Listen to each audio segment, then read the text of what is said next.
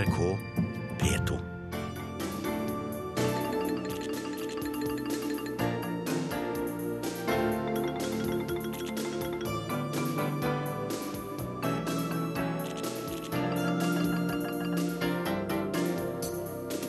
Fredsavtale på plass i Sør-Sudan. Men blir det fred nå? Tidligere fredsprismottaker Martin Schultz kan bli EUs neste president. Bak ham står en norsk kvinne.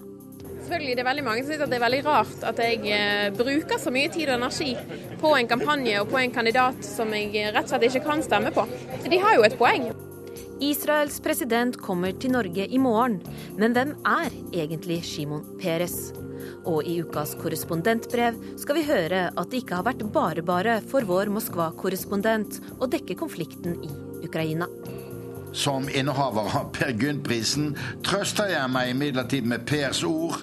Om man hamrer eller hamres, like fullt så skal det jamres. Velkommen til Verden på lørdag med Guri Nordstrøm i studio.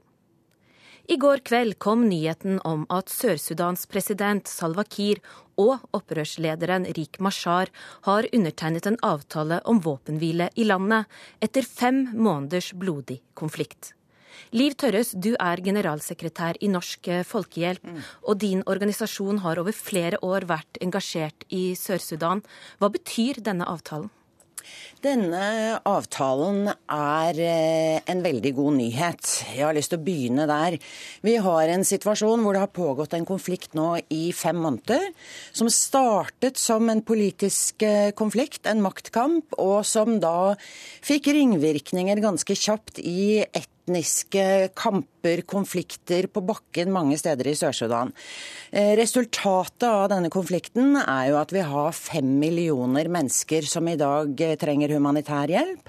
Vi har 1,3 eh, millioner mennesker som har blitt revet på flukt. Så situasjonen er i høyeste grad alvorlig, og behovene er veldig store. Når denne nyheten kommer ut om en fredsavtale, så er det en veldig god nyhet for sivilbefolkningen i Sør-Sudan. Hva er det de har blitt enige om? De har blitt enige om en våpenhvileavtale som skal tre i kraft i løpet av 24 timer. De har også blitt enige om at de har som intensjon å danne en interimregjering fram til det da skal, eh, skal arrangeres nye valg. Men våpenhviledelen er eh, viktig her. Om halvannen uke så arrangeres det en giverkonferanse for Sør-Sudan her i Oslo. Og mm. partene har jo vært under sterkt press for å løse konflikten før denne konferansen. Hvor mye har dette presset betydd for at man nå har kommet til eh, denne fredsavtalen? Det er med på å forklare at de underskrev denne avtalen i går. Eh, de har, eh, de har, engasjert seg tungt fra internasjonalt nivå. Børge Brende har vært tungt inne. Han var jo akkurat på besøk også i Juba i Sør-Sudan og hadde samtaler bl.a. med presidenten Salwa Kiir. Så det internasjonale presset betyr mye. Men vi skal jo selvfølgelig også ha med oss at situasjonen på bakken er såpass alvorlig at eh, partene selv også selvfølgelig ser at, eh, at eh, noe måtte gjøres, og det er veldig, veldig raskt. De står overfor en situasjon med en en hungerskatastrofe, varslet hungerskatastrofe, hvis ikke nå partene eh, legger ned våpnene og det kommer inn humanitær hjelp, så står Sør-Sudan overfor den verste hungerskatastrofen vi har sett på 30 år. Så situasjonen er helt kritisk. Så jeg har jeg lyst til å legge til en ting til, og det er jo at det er god nyhet at uh, avtalen er underskrevet, men, men, vi skal samtidig også ha med oss at uh, det er ikke nødvendigvis sånn at presidenten og tidligere visepresidenten, som ofte da liksom ses som de to viktigste partene som har stått mot, seg, mot hverandre i denne konflikten, har total kontroll over alle på bakken. Så det er kritisk viktig at det nå kommer inn humanitær hjelp, sånn at man ser i de ulike delene av Sør-Sudan at faktisk noe skjer og at avtalen hjelper, at den funker. Så det er fortsatt en del utfordringer igjen. Takk skal du ha, generalsekretær Liv Tørres i Norsk Folkehjelp. Tusen takk.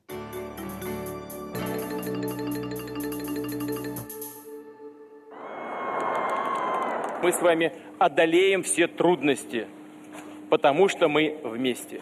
А значит, мы стали еще сильнее. С праздником Великой Победы! Slik hørtes det ut da Russlands president Vladimir Putin besøkte Krimhalvøya i går under feiringen av seiersdagen for andre verdenskrig. Vi står sammen med dere gjennom vanskelighetene, for sammen er vi sterke, sa Putin. Den russiske presidenten har fått sterk kritikk for besøket av EU, Nato og USA, men i sitt eget land står han sterkt. 9. mai og markeringen av seieren over nazismen har nemlig fått fornyet styrke gjennom det ukrainske fiendebildet i Russland. At det russiske samfunnet manglet moralsk lim, sa president Vladimir Putin i sin tale om unionens tilstand den 12. desember 2012. Deretter akselererte Putin nasjonalismen i landet. Nasjonalisme har historisk alltid krevd en ytre fiende. Gi folk noen å hate, så samler de seg, sa Hitlers propagandaminister Josef Goebbels. Det har nå gått 69 år siden seieren over nazismen. Minnene blekner unektelig. Veteranene blir stadig færre også i Russland. Og USA fikk gjøre tjenesten som fiendebilde for Putin-regimet. Helt til Viktor Janukovitsj falt i Kiev 22. februar. Da var Putin lynrask med å brennmerke de nye makthaverne i Kiev som nazister. Rett nok fins det nynazister på ytterste høyre fløy i ukrainsk politikk, men det store, store flertallet på Euromaidan var moderne, liberale mennesker. De ville ut av den russiske interessesfæren og slutte seg til Vestens verdier. Putin blåste til separatisme på Krim for å skape en ny territoriell konflikt med Ukraina. Derfor brukte han separatismen på Krim som en femte kolonne. Han invaderte og annekterte Krim fra Ukraina. Da visste Putin at Nato ikke ville ta opp Ukraina. Gjennom tøylesløs og aggressiv nasjonalisme akkumulert her i Russland, men lett å spre blant de gjenværende ni millioner russerne i sørøstre Ukraina, blåste Putin ifølge USA og EU til ilden for å gjøre forholdene mest mulig uhåndterbare for makthaverne i Ukraina foran presidentvalget 25. mai. Da skal nemlig Ukraina samtidig ha folkeavstemning om landets udelelighet, og i Kiev tror myndighetene at 70% av russerne i Ukraina fortsatt ønsker å forbli borgere av landet. Slik stemte nemlig også det store flertallet av russere i Ukraina den 1. desember 1991 for at Ukraina skulle tre ut av Sovjetunionen, som jo russerne dominerte sjøl. Det var de antisentristiske kreftene som felte sovjetstaten, gjentar stadig Mikhail Gorbatsjov, han var jo tross alt president for den falne supermakten. Hvorfor sovjetbefolkningen vendte seg mot Moskva, skyldtes at staten ikke leverte. Ikke frihet til å reise, ikke frihet til å mene noe om fortidens overgrep. Økt utdannelsesnivå og tomme butikkhyller var tilstrekkelig til å sikre supermaktens ferd mot historiens søppeldynge. I årene 1988-91 kranglet alle med alle i den sovjetiske folkekongressen, og 300 millioner sovjetborgere lyttet da en gruvearbeider fra Sibir sa 'ro dere ned, kamerater, husk vi er verdens eneste land med den uforutsigbare fortid'. Så kom kommunistenes statskupp 19.8.1991. Da var Sovjetunionen redningsløst fortapt. Det varte ikke lenge før ny separatisme kom til syne i Russland. I skyggen av den første tsjetsjenske krig fra 1992, som også dreide seg om separatisme, oppsto ideen om å bryte ut av Russland på følgende steder. I Tatarstan, i hjertet av Russlands europeiske del, med fem millioner innbyggere, de fleste muslimer, var separatistfaren størst. Men den oppsto også i området som i dag heter Tuva, og på Stillehavskysten. President Boris Jeltsin fryktet en ny dominoeffekt av separatisme eller antisentristiske krefter midt på 1990-tallet, som kunne ødelagt Russland på samme måte som separatismen rev sovjetstaten i filler. Samtidig rundstjal elitene både i Russland og i Ukraina befolkningen. 2% av folket karret til seg 90% av de nasjonale rikdommene. Befolkningen ble filleproletarisert, og filleproletariatet forfølger de nærliggende mål uten tanke på de langsiktige konsekvensene. Dette nemlig massepsykologiens svar på psykopati, enten det er i Russland, Hviterussland eller i Ukraina. I Russland sammenligner overhodet av den russisk-ortodokse kirke 1990-tallet med de største katastrofene i Russlands historie, med demografisk svinn på ti millioner menn. Dette bakteppet for Putins diagnose for to år tilbake om at det russiske samfunnet manglet moralsk lim. Striden med Ukraina har gitt Kreml muligheten til å spille videre på de eneste strengene som Kreml egentlig kan spille på, militarismen. Selv det russiske nødhjelpsministeriet fikk militære grader og uniformer på 1990-tallet. Selv Mattilsynets folk i Russland bærer militære uniformer, for ikke å snakke om medlemmene av påtalemakten. Men i dag teller russerne bare 139 millioner, der Sovjetunionen hadde inn på 300 millioner innbyggere. Til sammen teller USA og EU lett 821 millioner innbyggere, eller nesten seks ganger flere enn det bor i Russland økonomiske Vesten mye, mye større enn Russland, og Russland er svært mye svakere militært enn Sovjetunionen var. Også Vladimir Putin vet at atomvåpnene er impotente. De gir bare ved bruk garantert gjensidig utslettelse. Nasjonalismen har åpenbart kokt over i skallene på russerne også, og de separatistiske herjingene i Ukraina på begge sider viser østslavisk tilbakeståenhet av uhyggelige dimensjoner i den postmoderne tid. Invaderer så Russland kjerne-Ukraina? Putin sier nei, men han har løyet før. Trolig innser imidlertid Putin denne faren for seg selv og for Russland. Militært kan Putin ta Sørøst-Ukraina i en blitskrig. Hvis Ukraina forsoner seg med det tapet og avskriver de østlige provinsene, vil Nato trolig stå åpent for Ukraina. Da kan ikke Putin se bort fra rakettskjold og vestlige krysserraketter på sin vestgrense, bare fire og en halv times biltur fra Den røde plass. I det scenarioet vil den russiske interessesfæren være trengt lenger østover og tilbake enn noensinne siden 1600-tallet. Et føydalt lite Khan-velde med gode bånd til Kasakhstan og Kina er hva Russland da står tilbake som. Tidligere KGB-major Putin er i ferd med å leve ut det gamle russiske ordtaket. Med Vesten kan man alltid forhandle, med Østen må man være venner. Hans-Wilhelm Steinfeld, Moskva.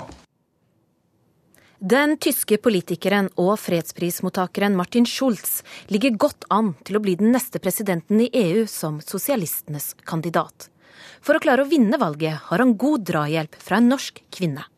Det forteller europakorrespondent Åse Marit Befring. Så da skal vi legge ut på Twitter. Fingrene hamrer raskt over tastaturet. Det er valgkamp, og det haster å få ut budskapet. Da var den på Twitter. Så har vi faktisk forhåndslaget òg en oppdatering på fransk. Så hvis jeg rekker det nå EU-valget handler om å sanke stemmer i 28 land. Det krever hyppige oppdateringer på sosiale medier på mange språk. Det er én time til Martin Schulz skal presentere sitt politiske program for de neste årene. Marte Ingull har allerede gjort klart flere tweets og Facebook-meldinger som skal legges ut på hans private kontoer. Today I'll show you how Europe can change after 25th of May. Are you in? Follow the streaming at 11.30 CET. Here. Best å sjekke at alt er i orden? Ja, det er alltid lurt å sjekke Martin Schulz ønsker å bli president i kommisjonen. Leder for EUs regjering, altså. Og norske Marte skal hjelpe ham med det. Hun er eneste nordmann på innsiden av EU-valgkampen. Jeg er utlånt. Jeg jobber egentlig i Arbeiderpartiet. Men uh, så fikk jeg et spørsmål om jeg ikke ville flytte til Brussel og, og drive valgkamp. Det vil hun. Hun kaller valg det vakreste uttrykket for demokrati, og har lang erfaring som kampanjemedarbeider. Hun var med da Obama vant i 2008. Året etter jobbet hun med valgkampen i India. Så ble det Arbeiderpartiet i tre runder, og én uke etter nederlaget i fjor var hun på plass her i Brussel. Men nå skal partiprogrammet legges frem på tradisjonelt vis.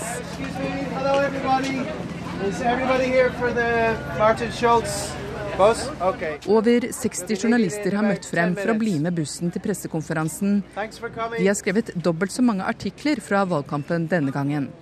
Marte Ingull er spesielt opptatt av de unge velgerne. Tre av ti eh, ungdommer stemte eh, ved valget i 2009, og det er jo en skandale. Ung er hun selv også, Men 30-åringen skiller seg ut her i EU.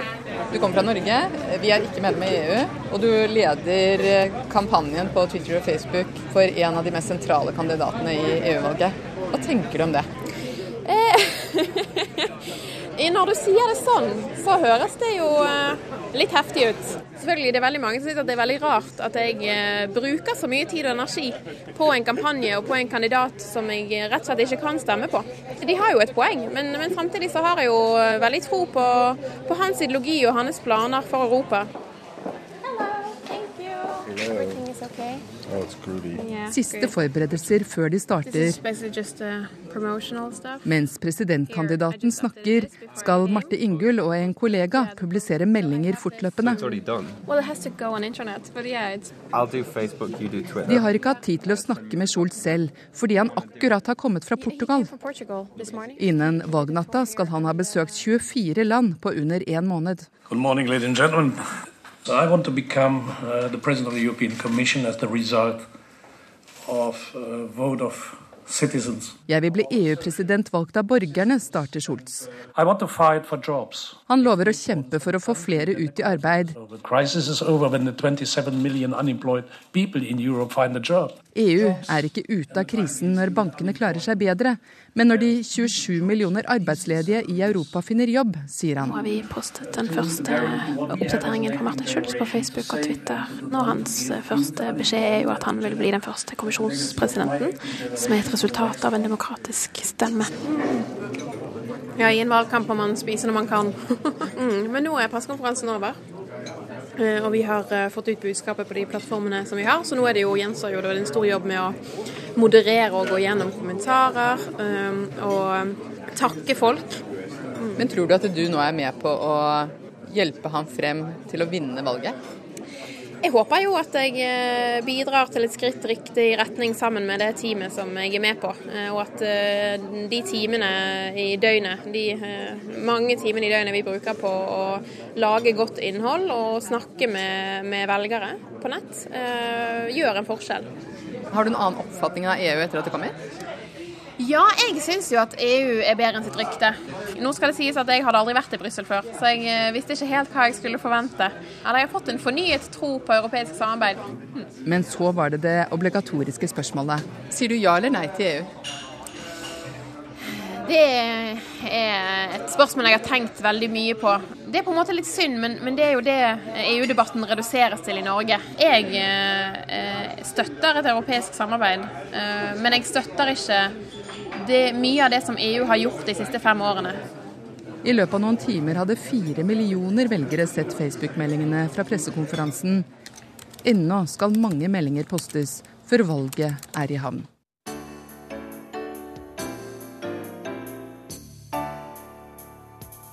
I morgen kommer Israels president Shimon Peres til Norge.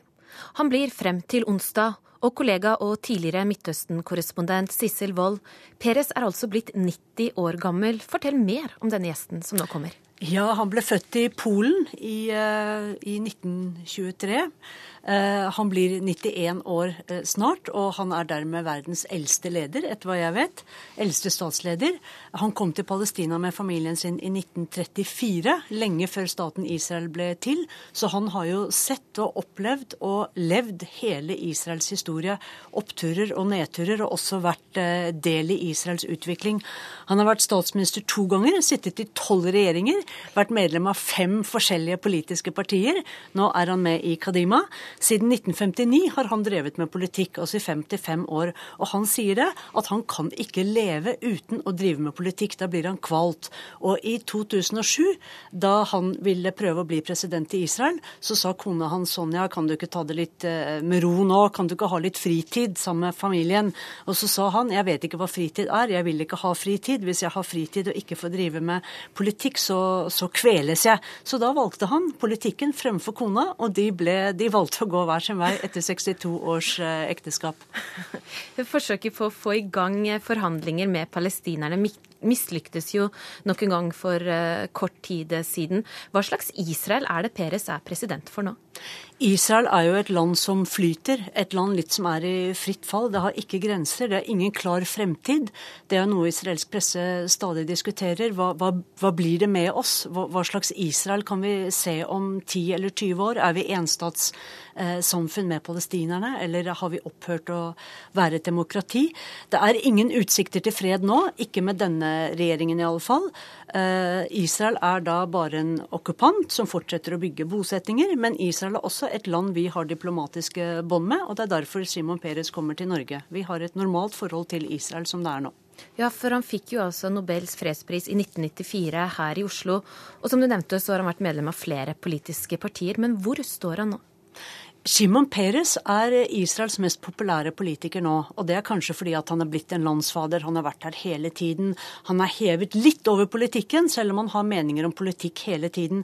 Men veldig interessant, for et par dager siden så sa han til israelske TV 2 at uh, for tre år siden så hadde han forhandlet frem en fredsavtale eller et forslag med Mahmoud Abbas, palestinernes president. Og alt var klart, de var enige om de viktige tingene. Men så var det statsminister Benjamin Netanyahu som ikke ville at dette skulle bli noe av han ville vente litt for å se. Og det er jo det som har preget eh, de siste ni månedene med Carries forsøk, at ingen tør å ta upopulære, vanskelige beslutninger.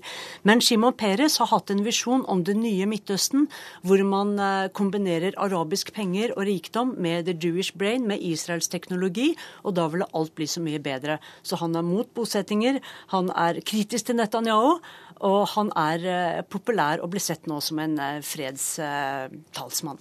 Tusen takk skal du ha, Sissel Wold.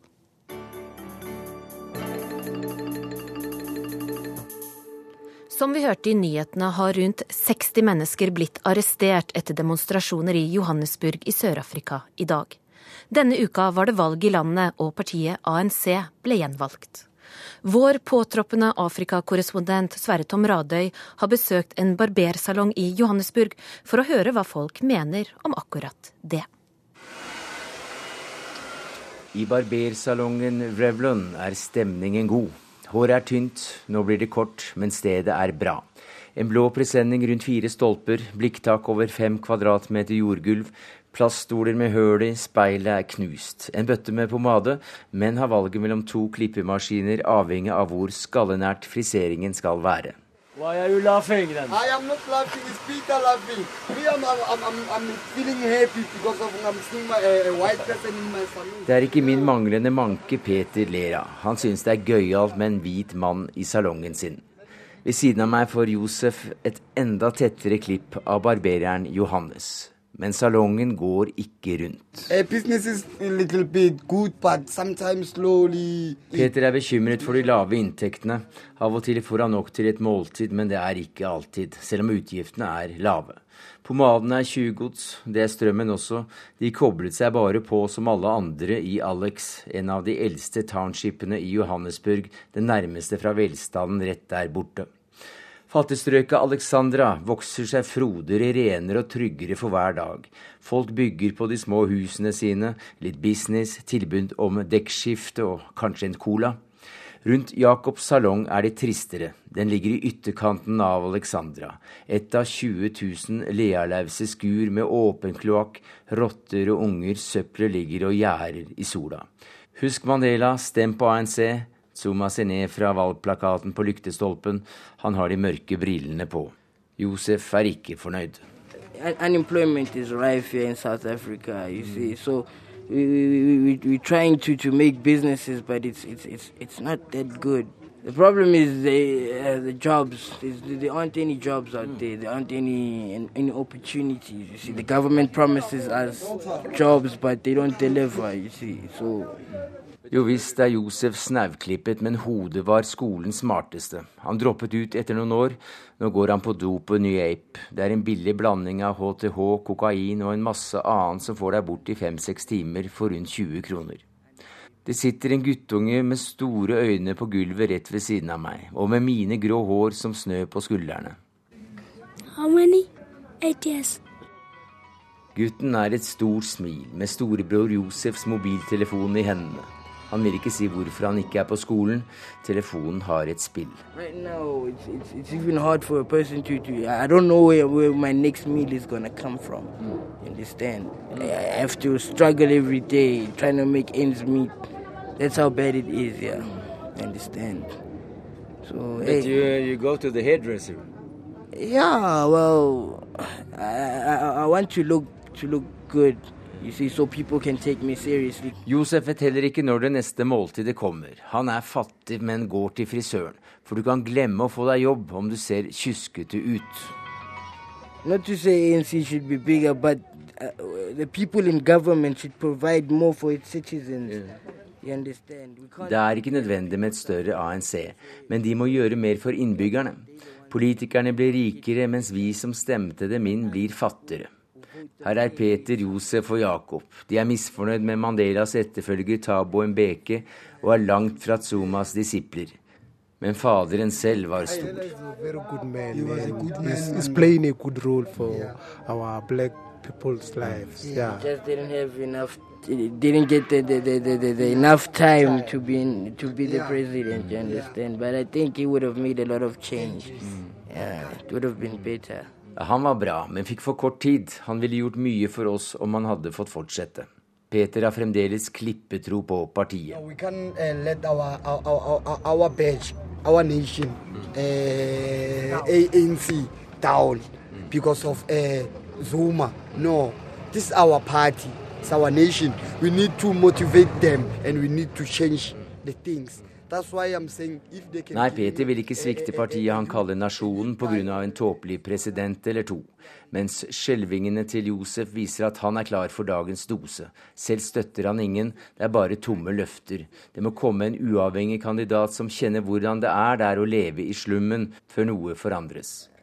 I don't want to lie to you. At the moment, I don't support anyone because I don't see nothing good from anyone. It's just empty promises, left, right, and center. You understand? I, I believe maybe someone who's independent could make a change. Someone who, who knows what it is to live like us, who comes from from the slums like us. Så er håret klippet, stemningen bedre enn resultatet strengt tatt skulle tilsi. Josef har gått hjem, Jakob har tjent mer enn på lenge. Guttungen har fått leke med et dataspill der flymaskiner mister passasjerer i mengder. Han vet hva han skal bli når han blir stor. Pilot. Du lytter til Verden på lørdag, og klokka er nå 11.30. I den neste halvtimen skal du bl.a. få høre mer om siste innspurt i det indiske valget, om den grønne revolusjonen som har feilet totalt i Tyskland, og om danmarkshistoriens største medieskandale.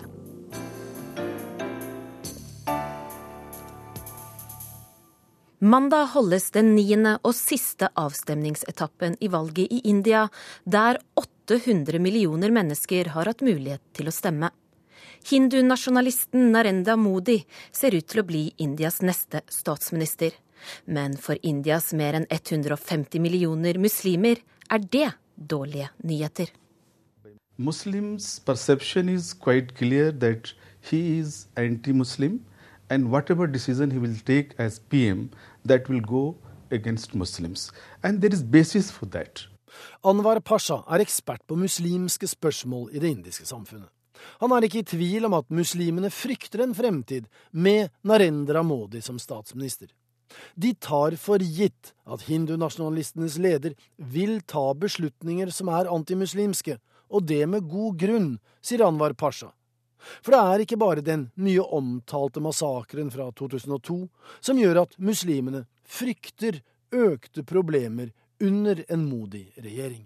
The way Modi has been behaving, the way he has been talking to media, the kind of messages he has been giving, uh, that makes uh, clear that he is not uh, a person who will tolerate Muslims.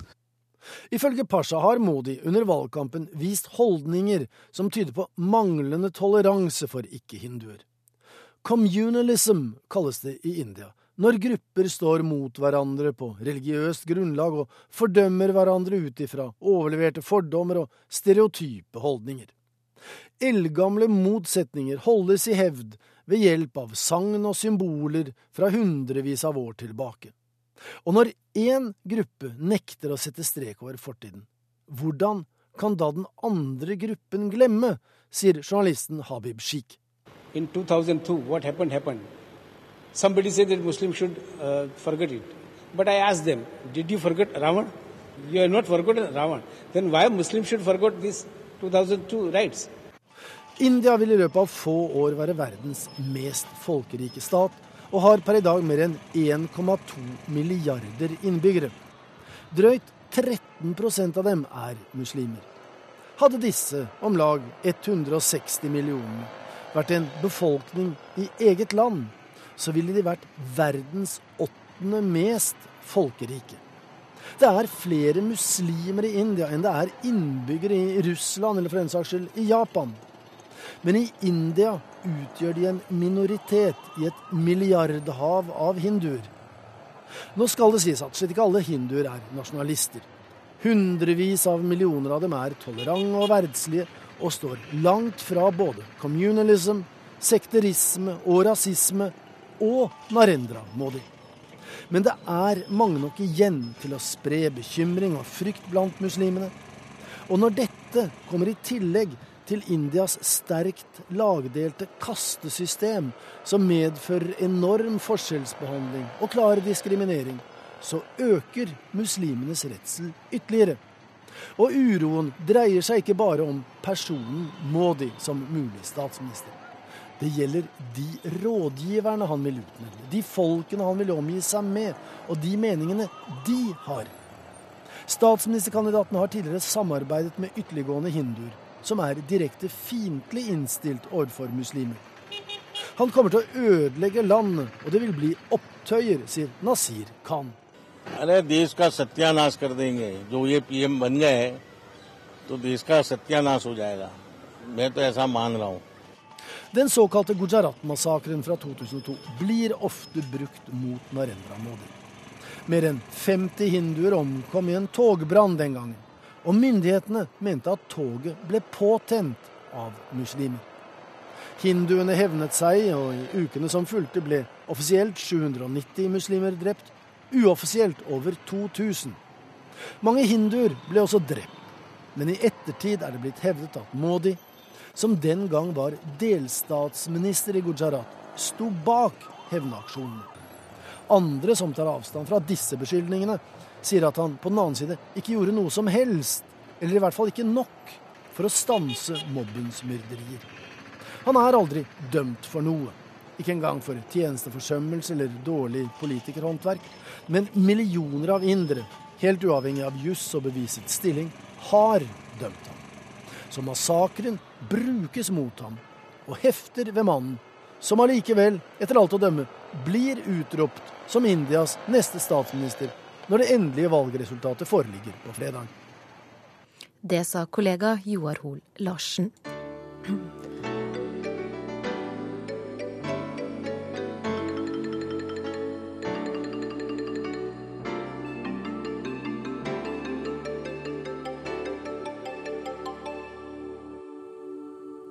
Tyskland bestemte for tre år siden at de skulle legge ned atomkraftverk for å satse på ny miljøvennlig energi.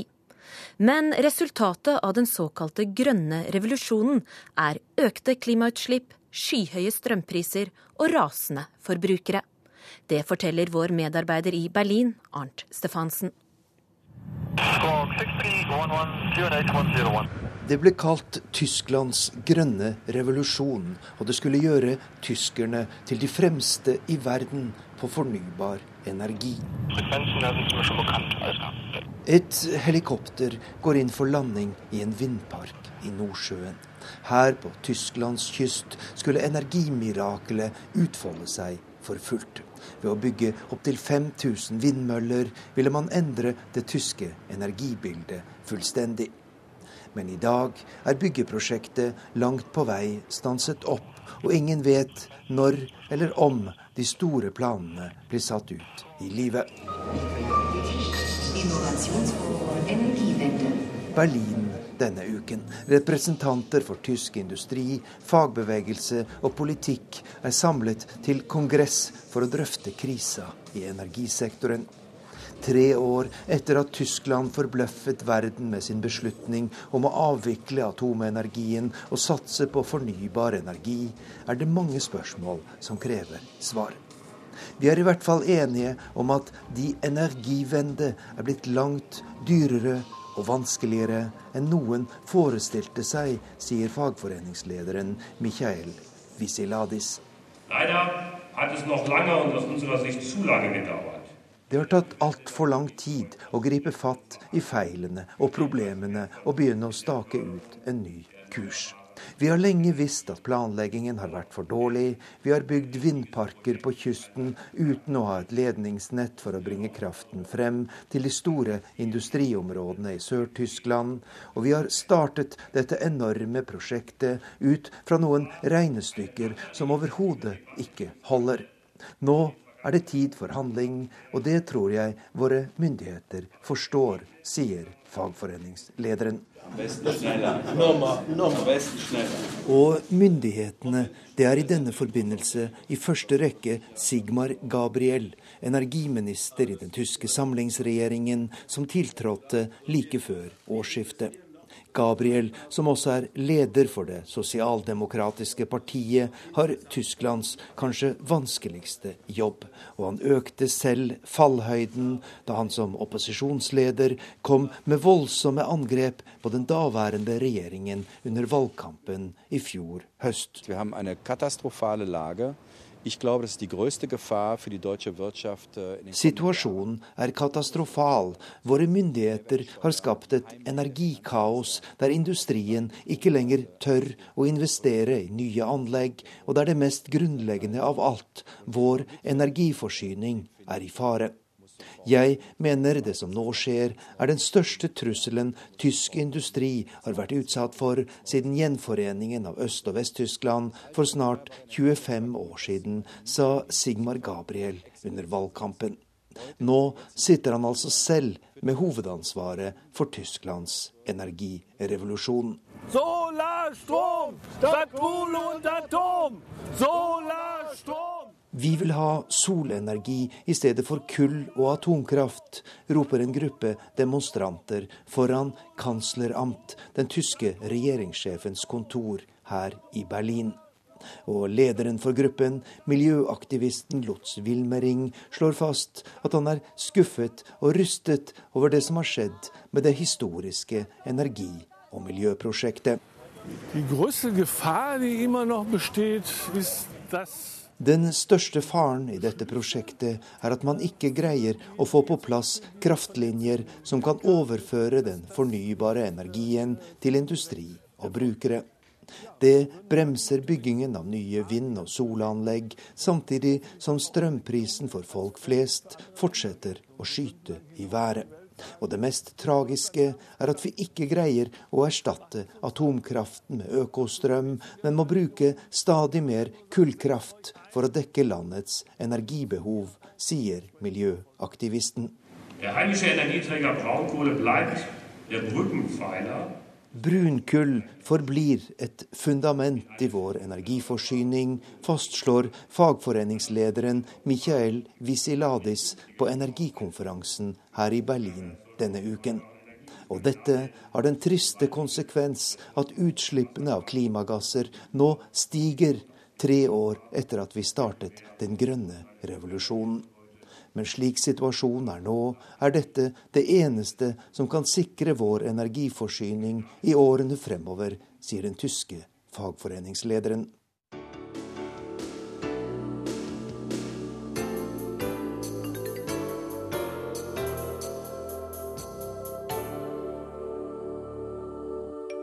Denne uka måtte nok en sjef i dansk presse gå etter det som har blitt danmarkshistoriens største medieskandale. Ukebladet Se og Hør skal ha kjøpt opplysninger både om kjendisers flyreiser og kredittkortbruk. Og det var en tidligere journalist i bladet som avslørte det hele. Så, Sebastian, hvor mye skal vi klippe av i dag? Det er jo lenge siden jeg har vært hos deg. Det kan jeg si. Ja, det før jul. Frisør Kokk i København har kløpt folk siden 1927, og nesten like lenge har Se og Hør ligget framme til kundene.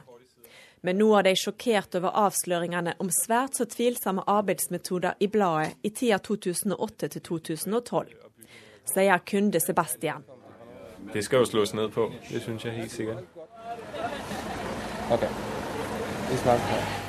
Den tidligere Se og Hør-journalisten og nå whistleblower Ken B. Rasmussen kommer ut av taxien med Danmarks Radio i hælene, medan svensk radio venter i intervjukø. Det er et par uker siden boka hans kalla 'Livet det forbannede' utkom.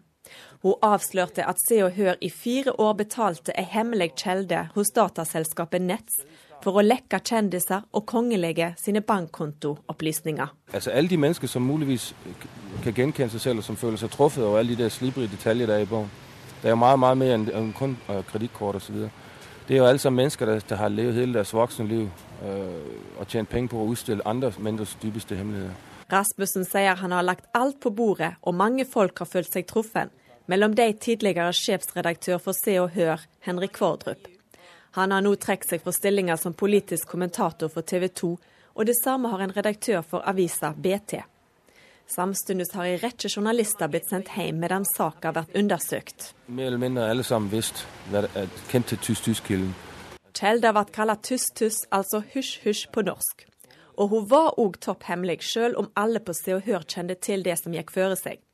Og akkurat det at hele redaksjonen var med på det ulovlige, har sjokkert Danmark. Det er sånn vi alle sier, det er noe som foregår i de varme landene, og i Russland og, og i England. og uh, alle de skidte knekte. Det gjør vi søren ikke pene Danmark. ikke? Så på den måten er det et sjokk at det, at, at det overhodet foregår i Danmark. ikke? Ken B sier at Se og Hør-journalistene kunne være med på dette fordi de hadde ei oss mot deg-holdning.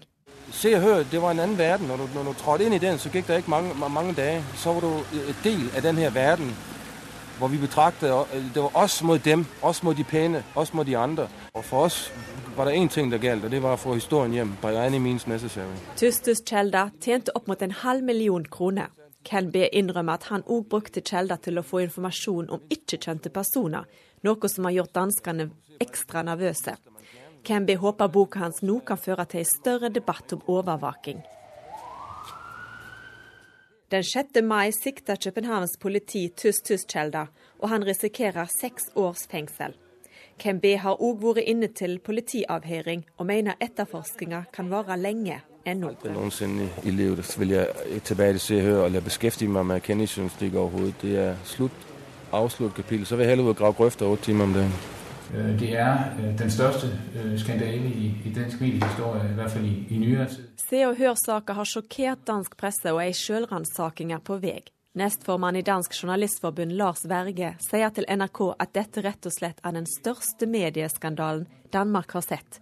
I alle fall i nyere tid. Man bruker ulovlige metoder, man overvåker kredittkorttransaksjoner.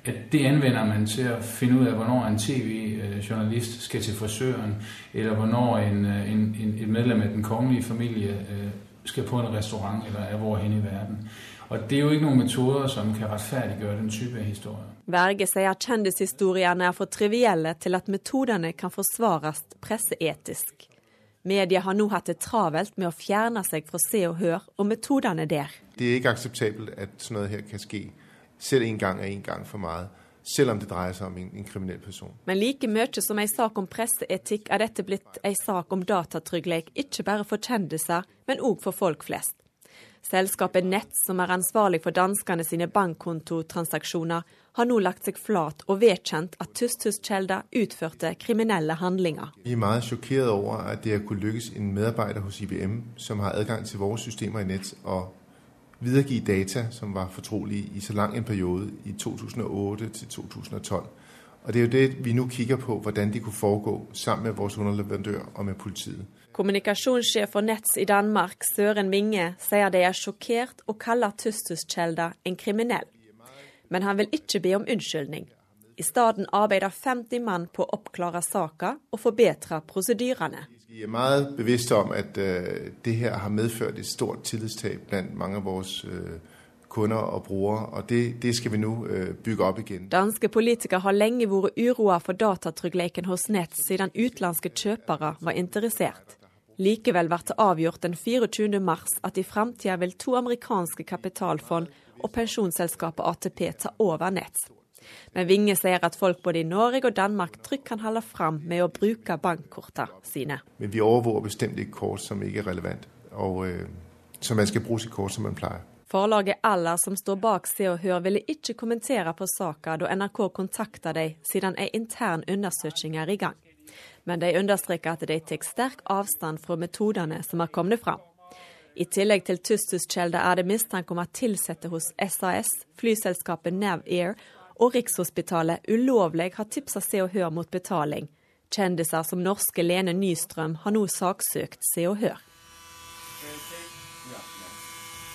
Selv om framtida til Se og Hør er noe usikker i Danmark, vil bladet holde fram med å ligge der for kundene hos frisør Jan Kokk.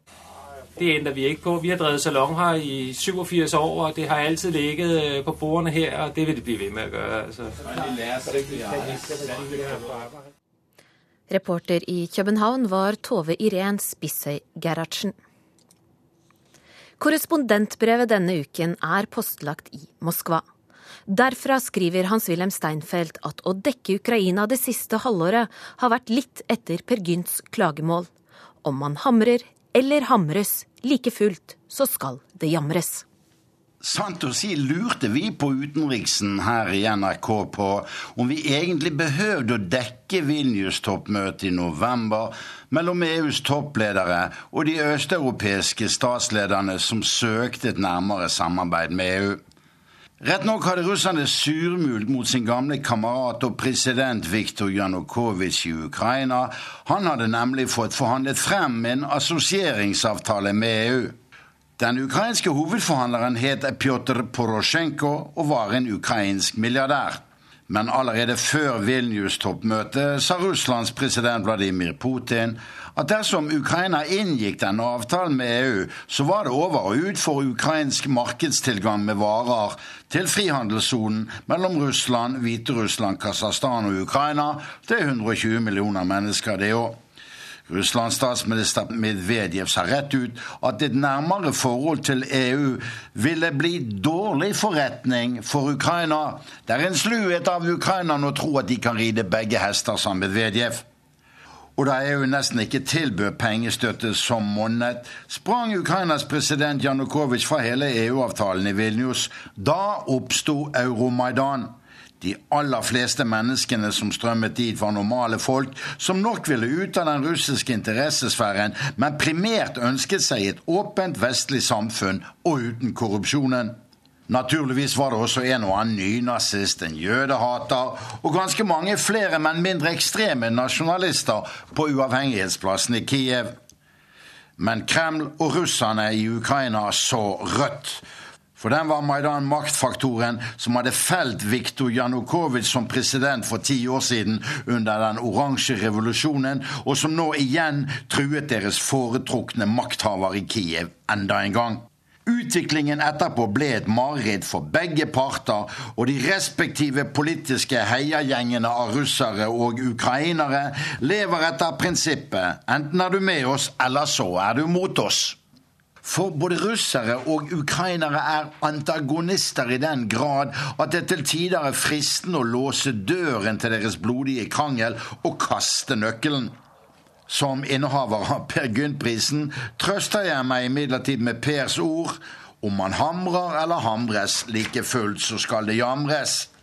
For ti år siden truet Polens daværende utenriksminister Rådfeldt meg med søksmål i Oslo etter min dekning av den oransje revolusjonen i Ukraina. Dette marerittet begynte med et nettmøte på NRK-weben, der en mann fra Kristiansand spurte om det var en dyp politisk splittelse i befolkningen i Ukraina, og jeg svarte ja, bevares fra overbeviste neonazister i Lvov av polsk og ukrainsk opprinnelse til overbeviste kommunister i øst av russisk opprinnelse. Ukrainas ambassadør i Oslo den gangen, Igor Sagas, var enig med meg, men Polens ambassadør i Norge, Andrzej Jarosinski, gikk hardt ut mot undertegnede i Aftenpostens spalter. Der fikk ambassadøren bred støtte fra norske Ukraina-romantikere, som gikk på illusjonen om at den oransje revolusjonen skulle ende med en folkereisning. Ingen nevnt, ingen glemt. Menneskene som bor øst for det gamle jernteppet, er mestere i å fremstille seg selv som ofre, samtidig som de suverent underkjenner sannheten om at mange andre av folkeslagene der også var ofre for det menneskefiendtlige sovjetdiktaturet som dominerte og dikterte overalt. Dette gjelder svært mange russere, ukrainere, hviterussere, baltere, polakker, slovaker, ungarere og serbere. Samtidig fortier mange i disse statene at mange av deres egne forfedre var medløpere f.eks. av det røde diktaturet, og før dette var de ofte medløpere med de svarte kreftene som nazismen herjet med i Øst-Europa under andre verdenskrig. For dette er mennesker fra en politisk kultur som bare har opplevd pluralisme i de 24,5 årene som har gått siden Berlinmurens fall i november 1989, på to unntak nær tsjekker og estere. Alle andre østeuropeiske stater utenfor Sovjetunionen hadde fascistisk lovgivning per 1936. Deres ledere grep tilbake til tiden før sovjetdominansen, under jakten på verdier og idoler som kunne erstatte Stalintidens terror og ettertidens korrupte Kreml-ledere. Da fant østeuropeerne frem til tvilsomme figurer, som f.eks. Stepan Bandera i Ukraina. Admiral Horti i Ungarn eller oberst Pilsudskij i Polen, for ikke å snakke om antisemittiske verdier her i Russland og SS-ledere i Latvia. Frihetsmisbruket er formidabelt i det gamle Øst-Europa etter Berlinmurens fall, hvis vi måler det hele med avanserte vestlige og liberale verdier. Anneksjonen av Krim får mitt imperiale hjerte til å svulme, mens det bekymrer intellektet mitt sa den liberale filosofiprofessor Jakov Svirskij ved Lomonosov-universitetet her i Moskva til meg i vår.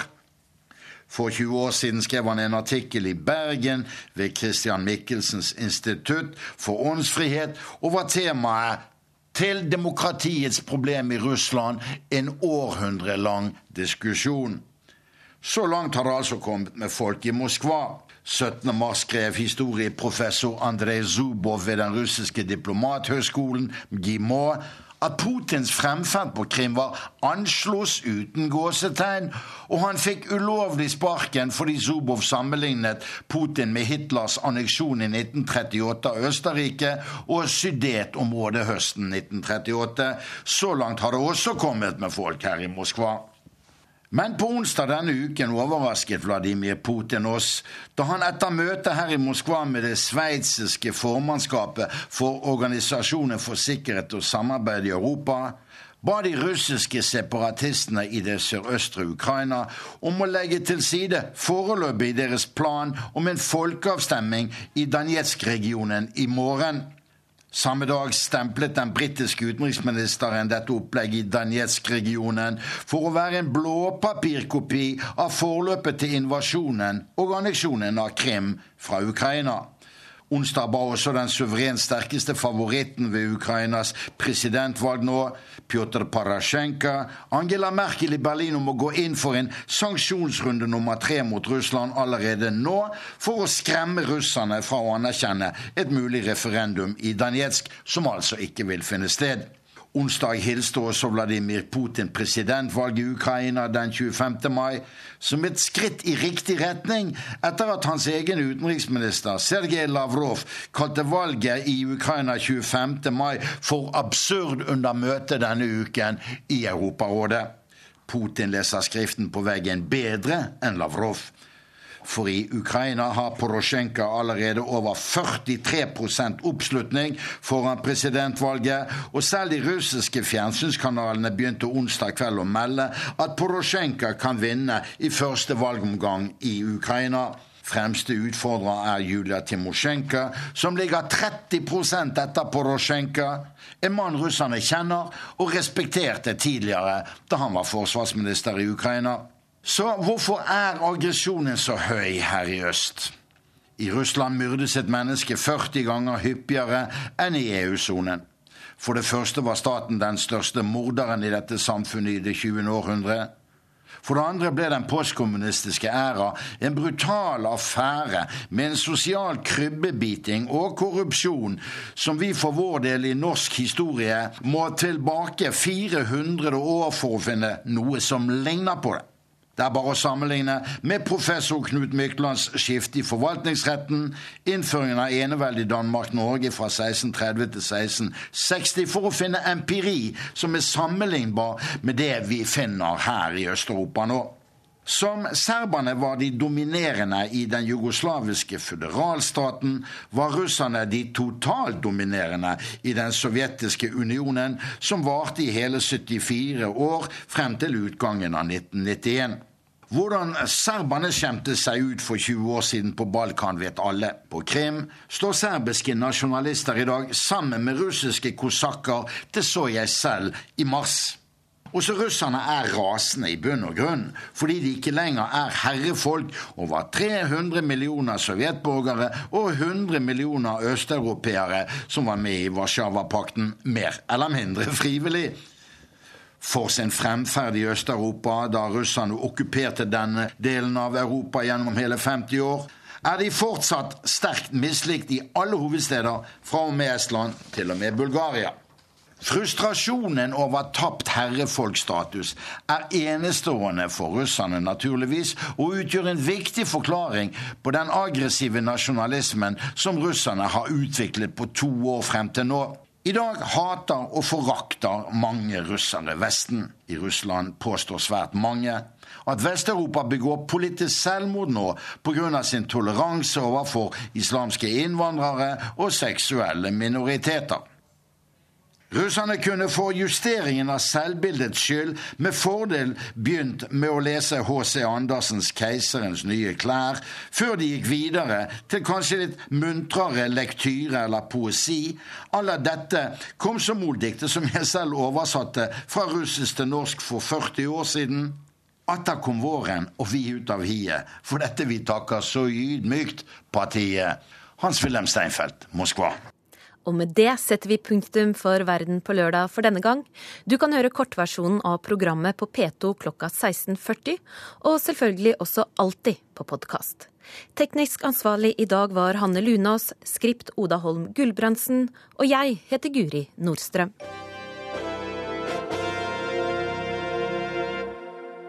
Hør flere podkaster på nrk.no podkast.